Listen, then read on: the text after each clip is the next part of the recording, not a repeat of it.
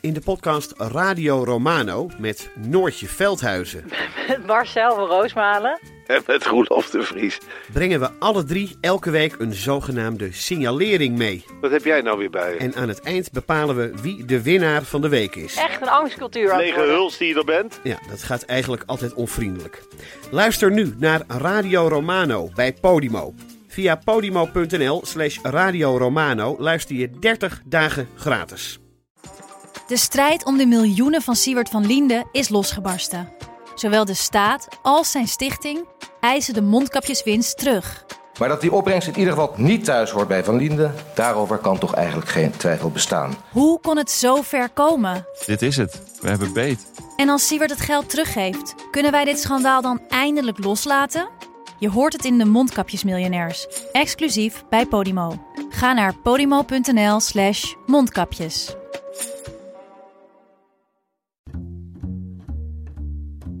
Hallo, vanaf de redactie van de Groene Amsterdammer is dit uw wekelijkse podcast. Ik ben Kees van der Bos.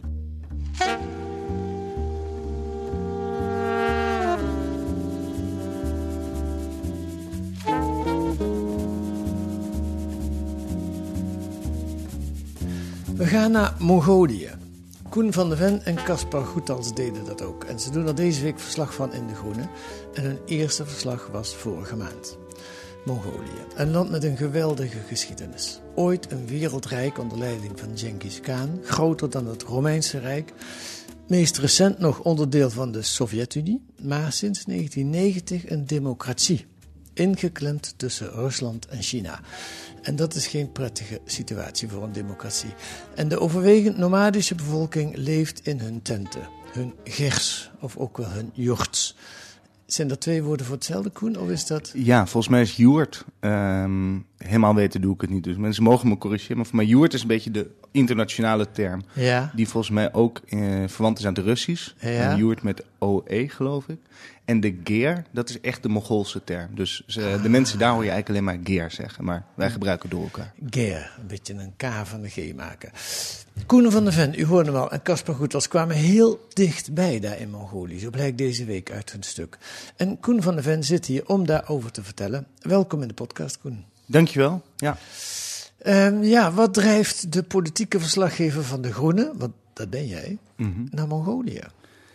Nou, het moment. Kijk, we zijn dus in augustus geweest. eh, dus toen was het reces in Den Haag. Ja. Ehm, dus laat ik, ja, de timing, daar had ik weinig in te kiezen. Eh, Maar waarom ik het heb gedaan is, eh, nee, je zei al heel goed, ik heb het samengemaakt met Caspar Goethals.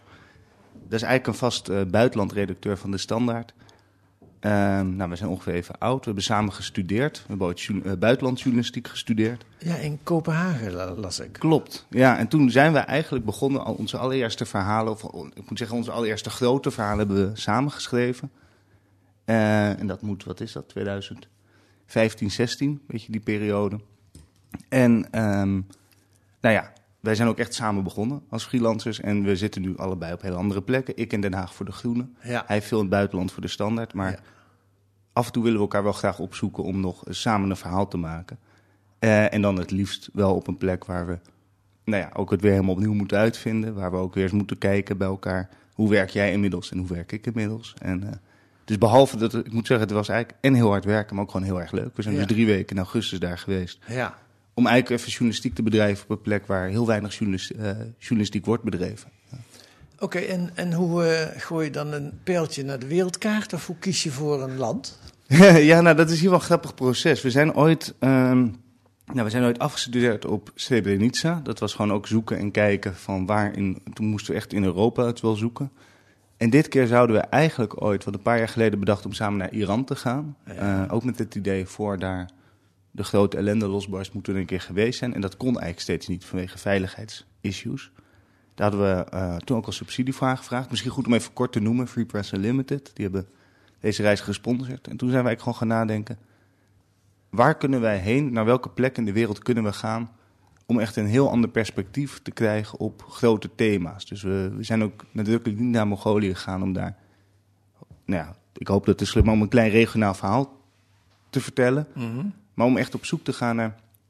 ehm, nou ja, gewoon een hele gekke uithoek waar je gewoon weinig van weet. Om eigenlijk naar wel twee thema's. Nou, de twee thema's ook maar meteen even noemen. De een is eh, democratie in een steeds uh, autocratischere wereld. Met grootmachten die om zich heen beuken. Je zei het al in de inleiding, Mongolië is een bloeiende democratie, ligt, heeft maar twee buren, China en Rusland. Dat fascineerde ons. Dus daar was eigenlijk de onderzoeksvraag, hoe overleven ze?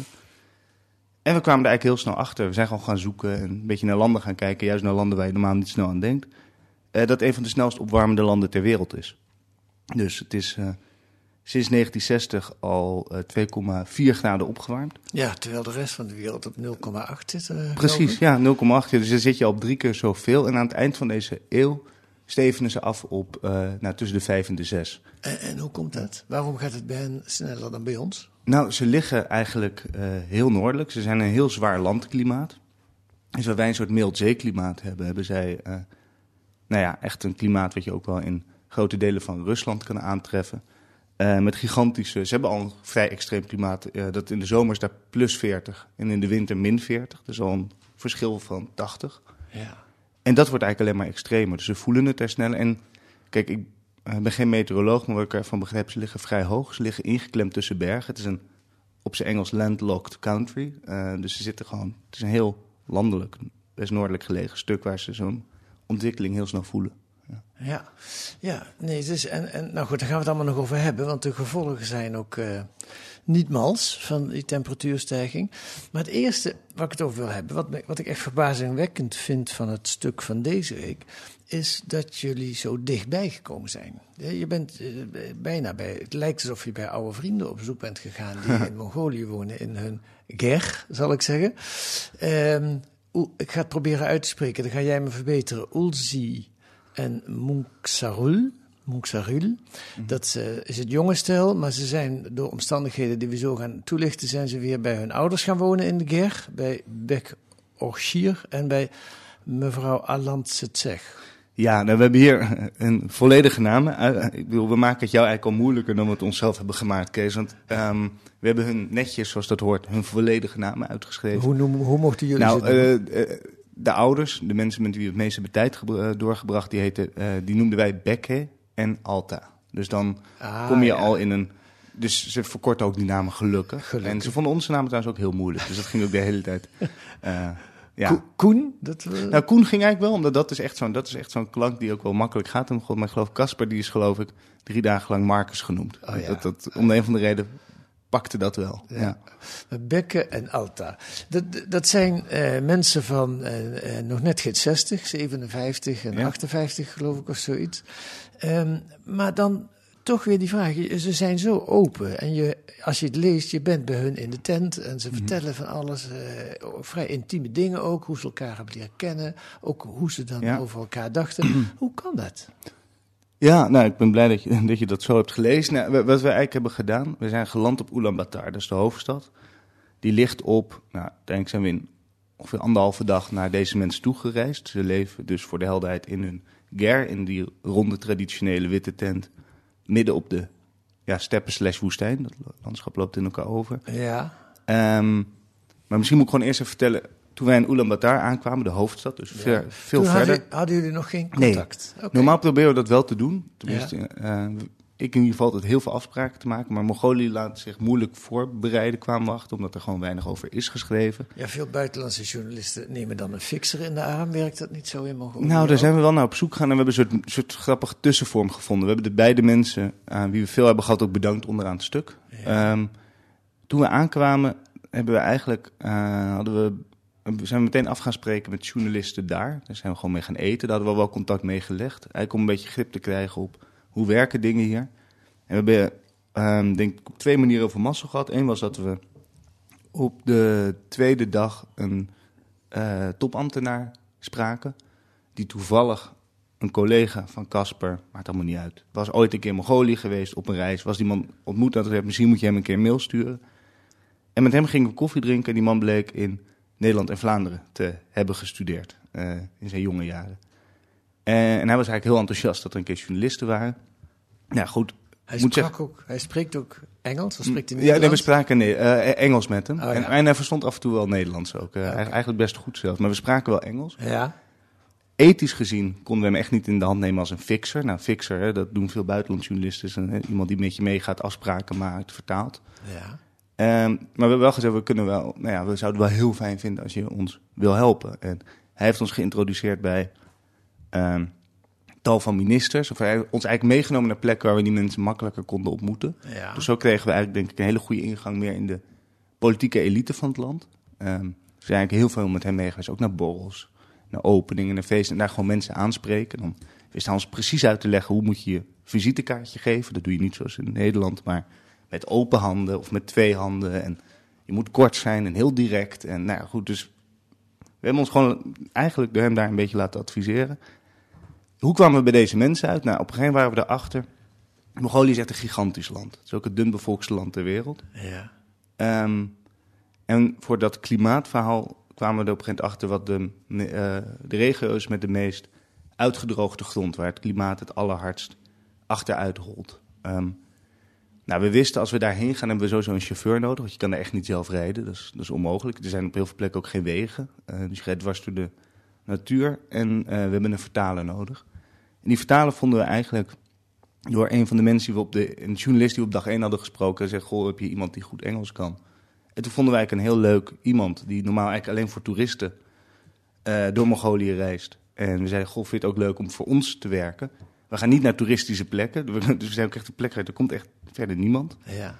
Ehm, en zij vond dat heel leuk en was ook heel goed en heel adequaat. En toen hebben we wel gezegd, wil je dan één ding doen? En dat is de gouverneur bellen van die regio waar we heen gaan. Nou, die regio is zo groot als Nederland en België samen.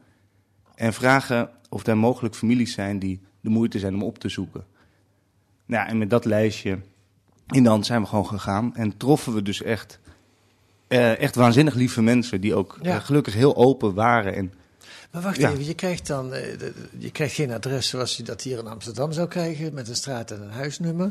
Maar je krijgt namen en waar, ze waar je ze ongeveer kunt vinden, neem ik aan. Hoe gaat dat? Of hebben ze, ze hebben wel telefoon, geloof ik, hè? Eh, ja, ze hebben een vaste lijn, maar geen, er is geen mobiel netwerk. Nee. Dus ze hebben wel. ehm, dus wat we eigenlijk hebben gedaan, er was een plaatsje eh, in de woestijn. Nou, daar zijn we heen gegaan. Dat is een soort, nou ja, een soort dorp. Dat is gewoon een kruispunt midden in de woestijn waar ook de gouverneur woonde. En daar stonden ongeveer honderd andere huizen en één boeddhistische tempel. Ja. En vanuit daar was het nog, nou, ik denk drie uur rijden of zo. En toen zijn we eigenlijk vanuit daar, heeft onze chauffeurs met een GPS, maar die haperde ook de hele tijd, zijn we gaan die kant op gereden. En dan onderweg kom je wel af en toe andere nomaden tegen. En dat verbaast ons, maar die nomaden kennen elkaar ook eigenlijk allemaal best goed. Dus die weten allemaal wel goed, oh, die zit achter die heuvel, die zit achter die rots. Dus eh, ja, half navigerend met een brakke GPS, eh, rotsen. Af en toe iemand die je tegenkomt, zijn we daar heen gereden. Ja. En dan kom je aan bij zo'n ger.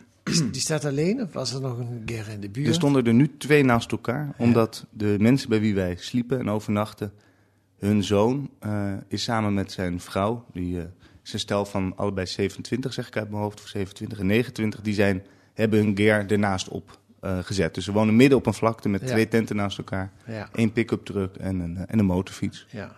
En die twee, die jongen, dat jongere stel, die wonen daar, laten we dat ook maar meteen vertellen, omdat er een jaar geleden een vreselijke storm is geweest. Dat heeft ook weer te maken met die klimaatverandering.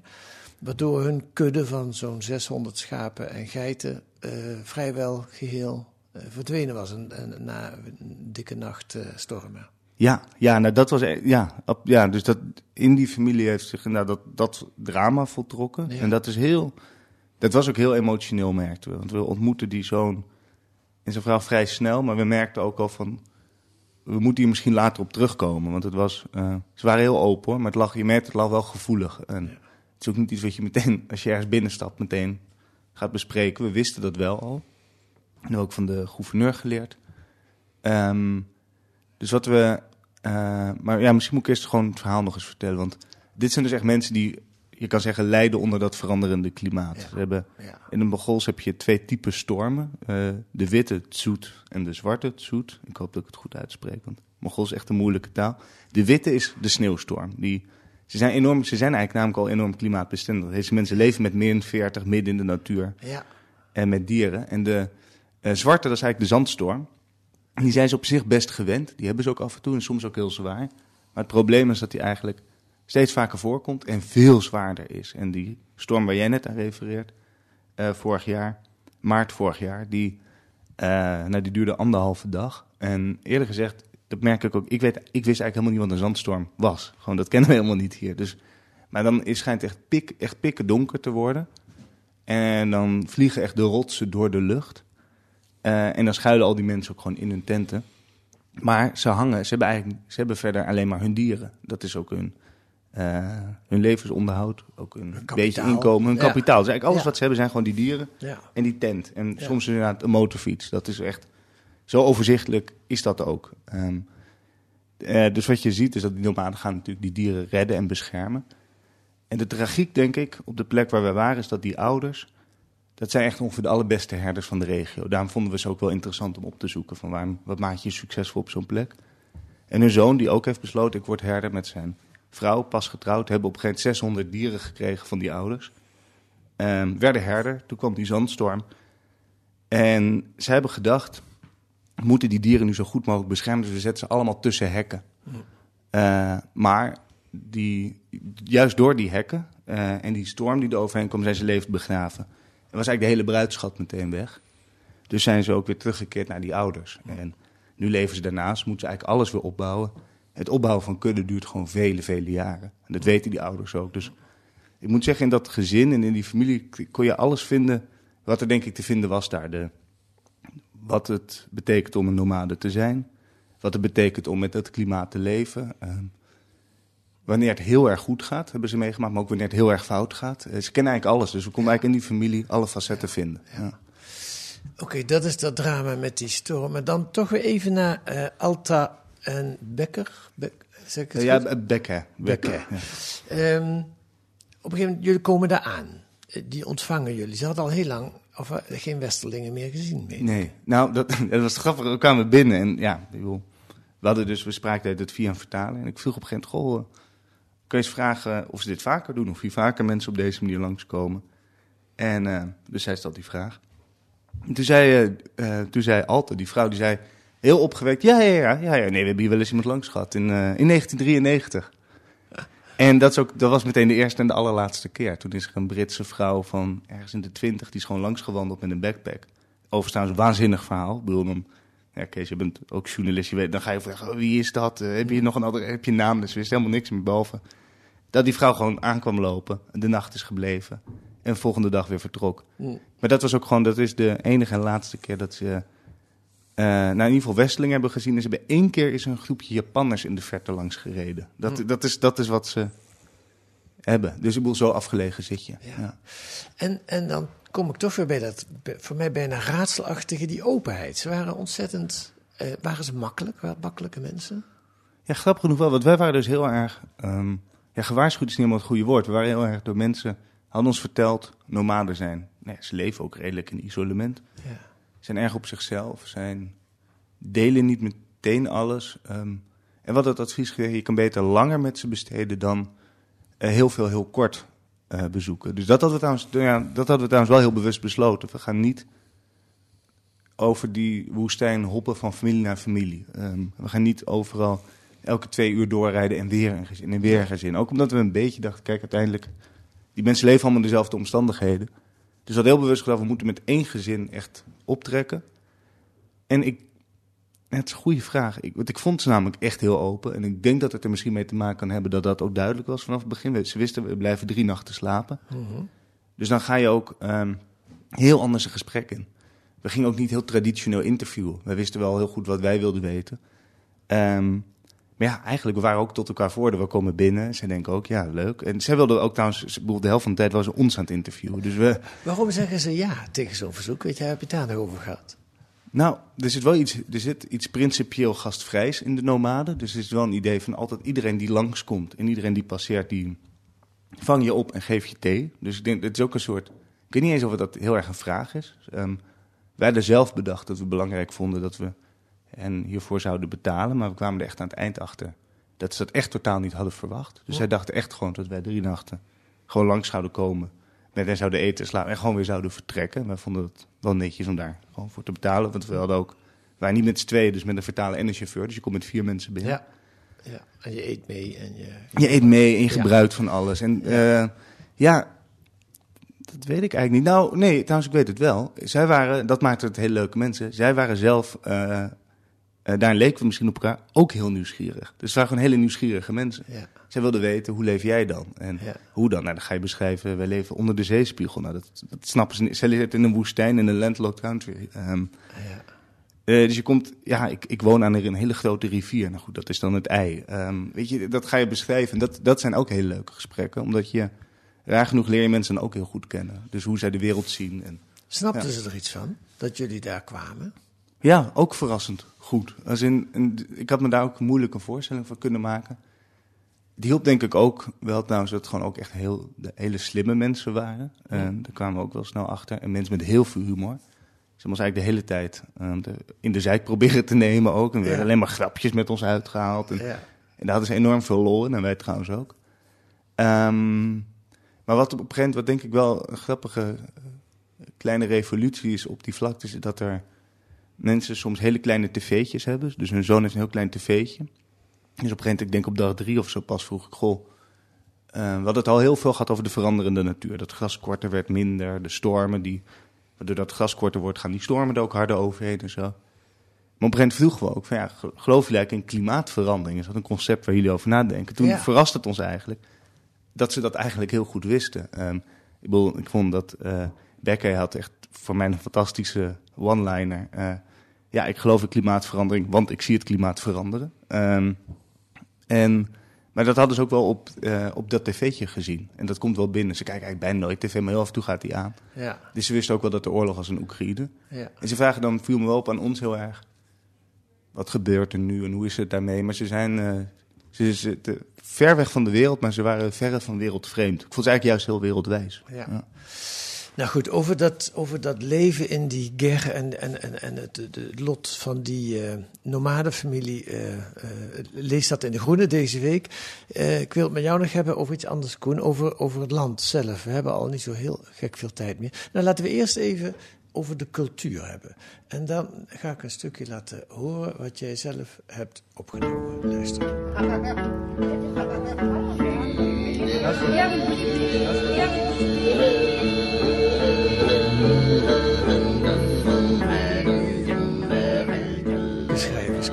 Koen. Ja, nee, dit was echt, ik moet zeggen, eh, het is wel grappig dat je dit pakt, want dit was een van onze grote mazzeltjes, denk ik. Dat we gewoon dus op dag drie, door die ambtenaar die we vrij vroeg hadden ontmoet, werden meegenomen naar een cultureel festival vlak buiten de stad. Want we hadden tegen hem gezegd, hoe kom ik in dit land in contact met, eh, met ministers, met geestelijken? We willen gewoon de top van dit land spreken. En toen zei hij, nou, er is hier vlak buiten de stad een cultureel festival. En daar, gaat het, daar was het halve kabinet van Mongolië. Dus eh, nou, net buiten de stad betekent in Mongolië bijna twee uur rijden. Dus wij, eh, nou, wij daarheen. En hij ging gelukkig mee, want eh, hij kende veel van die mensen. Ik bedoel, dat, is- je kan wel googlen, maar wij herkennen ook niet in zo'n mega vlakte met allemaal tenten al die mensen. En we gingen eigenlijk van tent naar tent om die mensen te zoeken, te benaderen, ons voor te stellen. En eigenlijk te vragen, heeft u volgende week misschien tijd voor een interview? Maar goed, opnieuw, die Mongolen zijn heel gastvrij. Dus in elke tent waar je binnenloopt, ehm, zijn mensen sowieso heel blij dat je er bent. Word je meteen neergezet en krijg je kommen merriemelk, paardenmelk. Ehm, Is dat te drinken? nou, dat is. eh, de eerste kom denk je, nou wat grappig, ik zit een brie te drinken, want het is heel zuur en het is een soort gefermenteerde melk. Ja. Eh, en na één kom heb je gewoon goed. Je je drinkt iets van negen kommen of zo op een dag. Je bent echt de hele tijd, want je krijgt het aangeboden. Paardenwodka, dat is dan weer destillaten daarvan. Dus je krijgt overal drankjes en dingen. En op een gegeven moment belanden we in een hele leuke tent. Aan een riviertje, en daar liepen ook weer wilde paarden. Eh, en daar zaten allemaal topambtenaren van het ministerie van Buitenlandse Zaken. En, eh, en ook diplomaten. En, eh, en die waren allemaal heel traditioneel gekleed. En die begonnen dus te zingen. Dat is ook een soort ding. Van, we hadden ons weer helemaal volgestopt met allemaal drankjes. En die stonden allemaal om ons heen. We horen ze weer. En dan hoor je die traditionele Mongoolse keelklank. En iedereen kent die liedjes, dus ze vallen bij. Nou ja, en dat is ook gewoon een beetje hoe je dan daar journalistiek bedrijft. En dan zit je daar gewoon, eh, nou, ik denk een uur of zo zaten we met ze. Overigens tot het moment, hè, als ze, degene die het lied inzet, eh, inzet en begint met zingen, die houdt die grote kom met paardenmelk vast. Ja. Dat is la- ja, een soort van de zang komt. Tot op een gegeven moment ze naar ons toe kwamen en in onze handen drukten en zeiden: Now you sing. En toen zei hij er nog achteraan, respect us. Dus toen dachten we, oké, dit is echt serieus. We gaan hier niet wegkomen met, nou, we zingen liever niet en dat doen we niet. Dus toen hebben we echt nog... ehm, Dat moet je, hè? ja, dan moet je. Nou, dat hadden we wel. Nou, ik was heel blij. Want Kasper en ik hebben toen. Kijk, je gaat ook niet minutenlang overleggen. Dat eh, staat ook heel dom. Dus ik keek, eh, ik had die kom in mijn hand en ik keek naar Casper. En toen wij hadden gelukkig allebei meteen door. Oké, we gaan hier niet aan ontkomen. Maar goed, wat ga je dan zingen? Ehm, nou, hij is eh, Vlaming, dus ik dacht, ja, eerst ik dacht, eerst Sinterklaas liedje, maar dat, dat zal wel weer verschillen. En toen uiteindelijk zijn we de slaap, kindje slaap gaan zingen. Ehm, maar dat is eigenlijk ook maar één couplet, geloof ik. Tenminste, ik ken niet de andere coupletten van dat lied. Maar we hebben dus eindeloos lang slaapkindje slaap gezongen, maar steeds ietsje zachter. En, eh, en dat deed het heel goed. Dus toen we dat hadden gedaan, toen waren ze allemaal heel blij en was het allemaal eh, wat mooi. En Ja. ja, dus ja, dat soort dingen doe je ook daar. Je bent niet alleen aan het interviewen. Je ziet ook aan dat soort dingen dat wij eh, een veel armere cultuur hebben. Eh, Als het gaat om zingen en dat soort dingen, dan kom je op slaapkindje slapen. Dat is wel een liedje, Ja. maar... En in ieder geval iets wat je meteen kan zingen. Ja. Kijk, je gaat ook niet Ja. ineens, ja, bedoel, je gaat ook niet eens André Hazes staan zingen of zo. Of iets met, nee, dus je moet, eh, ja. En, en wat mij ook opviel, dat schrijf je ergens, wat ook heel cultureel bepaald is. Het is een boeddhistisch land. eh overwegend, dus ze zijn misschien bijna allemaal ook eh, boeddhistisch opgevoed. En dat betekent ook dat je positief praat. Want eh, als, je, als je datgene wat je zegt, zou wel eens een werking kunnen hebben. Als je een negatieve verhaal ophangt, zou de toekomst ook wel eens negatief kunnen worden. Dus dat moet je wel weten om te kunnen duiden wat mensen tegen je vertellen. Ja, dat was best verwarrend. Dat je, een soort moderne, hedendaagse taal. eh tenminste, je hoort het mensen heel vaak tegenwoordig zeggen, manifesteren. Het idee, alles wat je hardop uitspreekt, beïnvloedt de toekomst en geeft de toekomst vorm. Dus het is echt een dogma op negatief praten. En dat maakt het wel... Kijk, wij zijn niet zulke cynische journalisten hoor. We hoeven echt niet alleen maar ellende te horen. Maar je wil wel steeds op zoek naar waar zit de verandering? Waar zit de onzekerheid? Waar gaat het schuren? En zeker, dat merkten we in die ehm, eerste week in Ulaanbaatar... toen we met veel duiders, analisten, maar ook met ministers spraken. Als je dan gewoon iets te hard zei, goh, nou, is, dan ziet de toekomst er wel moeilijk uit. Dan begon je te zeggen, nee, nee, nee, nee, nee. Terwijl je het net een half uur lang had gehad over de omstandigheden. Bijvoorbeeld steeds assertievere buren, China en Rusland. Of het klimaat dat opwarmt. Dus het duurde ook wel even voordat we door hadden, oh ja, hoe voeren we hier gesprekken? Dus bijvoorbeeld als het gaat over dat meer geopolitieke verhaal, wat we een maand geleden in de groene hadden. Dan ging jij op een gegeven moment zeggen, goh, zoals ik het begrijp, zijn jullie heel goed in die balansoefening en dansen tussen die verschillende, dat koorddansen tussen die landen. En dat gaat ook eigenlijk wel goed, maar het wordt wel steeds moeilijker. En dan zei ze, ja, nee, dat wel. Nee, het wordt wel, eh it's more challenging. Eh, dus je moest heel erg, je merkt dat je daarin, ze zijn tegelijkertijd heel direct, maar zodra het over de toekomst gaat, worden ze eigenlijk heel, eh, nou daar kwamen we achter, als de toekomst eigenlijk niet zo goed is, dan wordt het heel abstraherend en heel vaag. en dat, dus ja, ook dat soort dingen moet je gewoon omheen werken. En, en op een gegeven moment kom je erachter. Want dit boek, dat vind ik trouwens het leuke aan. In dit geval samen met Casper op reis. En dat je ook de hele tijd observaties deelt. En op een gegeven moment hij het ook. Van, wat, zijn dit voor rare gesprekken? We maken een hele analyse met, eh, bijvoorbeeld met z'n drieën zitten we aan tafel. En aan het eind zeg je, nou dan doe, trek ik er een strik omheen en leg ik de conclusie op tafel. En dan zeggen ze, nee, nee, nee, dat klopt niet. Nou ja, dat, is daarom is het ook altijd wel fijn met z'n tweeën te zijn. Want dan ontdek je dat ook al pratend. Een paar van die problemen stip je ook aan. In, in hè, Oekraïne, eh, eh, daar hebben ze eh, eh, in de Verenigde Naties hebben ze zich van stemming onthouden over de oorlog in Oekraïne. De Dalai Lama die eh nodigen ze maar niet meer uit. Dat gaat dan om de andere buur China, niet voor het hoofd zo. Toen ze dat in 2016 wel gedaan hadden, had dat gelijk enorme economische consequenties. Ehm, nog twee vragen, of één vraag en één, en dan wil ik naar het slot toe gaan. Eén vraag, is het, is het een levendige democratie in Mongolië? Ja, dat was het bijzondere om achter te komen. Dus in 1990 ehm, op slag heel liberaal geworden. Bevrijd uit de Sovjet-Unie? Ja, en dan heel typisch wat je veel van die landen ziet. Veel nabijer eh, eh, thuis eh, kennen we dat uit Centraal-Europa. Er wordt er heel gretig dat liberalisme omarmt. En wat we heel boeiend vonden om te zien, we hebben een heel lang gesprek gevoerd met de man die al sinds de jaren negentig eh, de echt de nationale stemming, maar ook het politieke gevoel, maar ook de waarde van mensen peilt. En die ziet eigenlijk dat de Mongolen enorm eh, volharden in die liberale waarden. Dus dingen als vrijheid van meningsuiting, maar eigenlijk al die vrijheden, die vinden ze eigenlijk onverminderd belangrijk. Dat is eigenlijk best wonderlijk, want ze hebben er weinig traditie in. Ja, al kan je ook zeggen, er zit natuurlijk... Maar goed, dat is een beetje sociologie van de koude grond. Maar oh, moet ik zeggen, we hebben het ook al van experts gehoord. Er zit ook iets heel liberaals in dat nomadenbestaan. En je kan zeggen dat het nomadenbestaan... Wel echt, dat is echt de cultuur. Het is geen echte stadscultuur. Ja. En dat is ook iets heel vrijs. Uh, dat is toch een beetje... Uh, nou ja, we schrijven het op een gegeven moment in het stuk... ergens op dat grote grasveld je eigen paradijs bouwen. En van niemand afhankelijk zijn. Uh, je zou het bijna vertaald naar de Verenigde Staten... Ja. bijna libertarisch kunnen noemen. Goed ook door dus er zit ja. een enorm... ze zijn enorm gewend om autonoom te zijn, ja. om vrij te zijn. Om, um, dus dat zit er wel in. En ik moet zeggen, ja... Uh, en ze hebben wel die gigantische geschiedenis. Dus ze relateren alles aan Genghis Khan. Ja. Uh, dat is een beetje ja. een grote, uh, de, de, grote man die ook in alle ministerskamer hangt. Een groot portret, zoals wij hem van Willem-Alexander hebben. Ja. Die zijn nog steeds van Genghis Khan. Genghis Khan is dus toch er zit ook groter. Iets ja. heel autonooms of zo in. En, maar wat we zien, dat vind ik boeiend. Die, de wereld om hen heen wordt moeilijker, de directe regio's. Ze zijn ook echt een zeldzaam liberale oase in dat deel van Azië. Uh, maar dat ze dan eigenlijk heel behendig worden in het scheiden van die vrijheden. Op een gegeven moment heeft, nee goed, heel kort nog, we hebben de soort Mongoolse Dalai Lama gesproken. En die maakt een heel mooi onderscheid. Die zei op een gegeven moment, ja, jullie definiëren eigenlijk vrijheid vaak als één ding. En wij in het boeddhisme zien het eigenlijk al, vrijheid komt op drie manieren tot uiting. In je denken, in je handelen en in je spreken.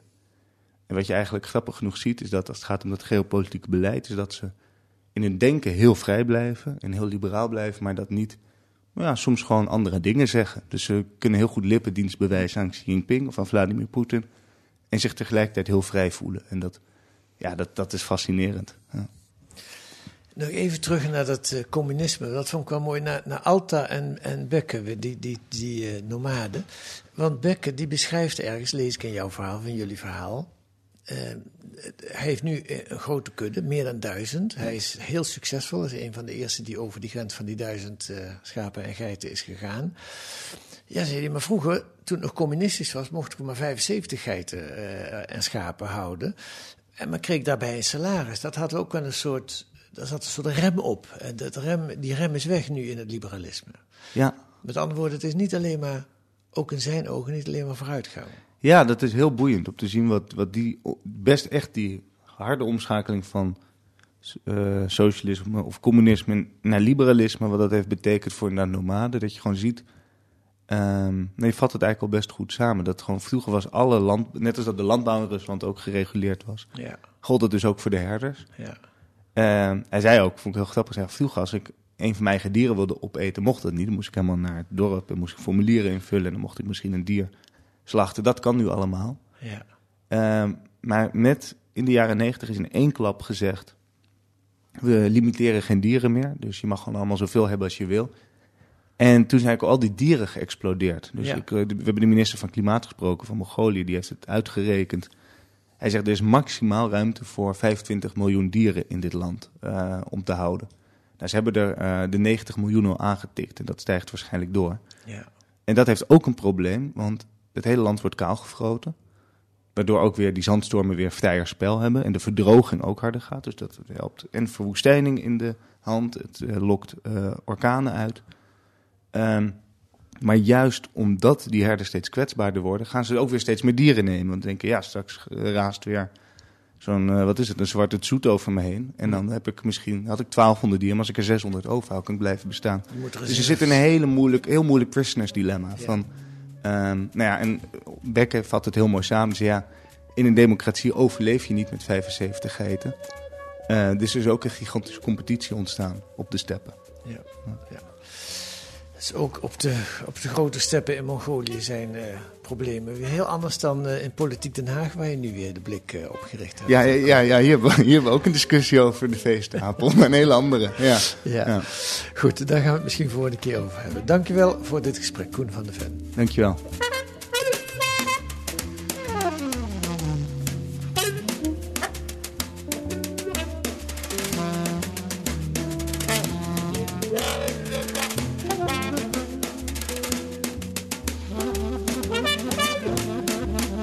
Wat staat er nog in De Groene deze week? Een essay van redacteur Razid Elibol over opgroeien in armoede. En wie in zijn jeugd met armoede te maken krijgt, stelt Elibol, wordt daar zijn leven lang door achtervolgd. En een interview met de Israëlische schrijver David Grossman. Een samenleving in crisis leert zichzelf in één verhaal te stollen, zegt de winnaar van de Erasmusprijs. Maar, zegt hij ook, er is nooit één verhaal.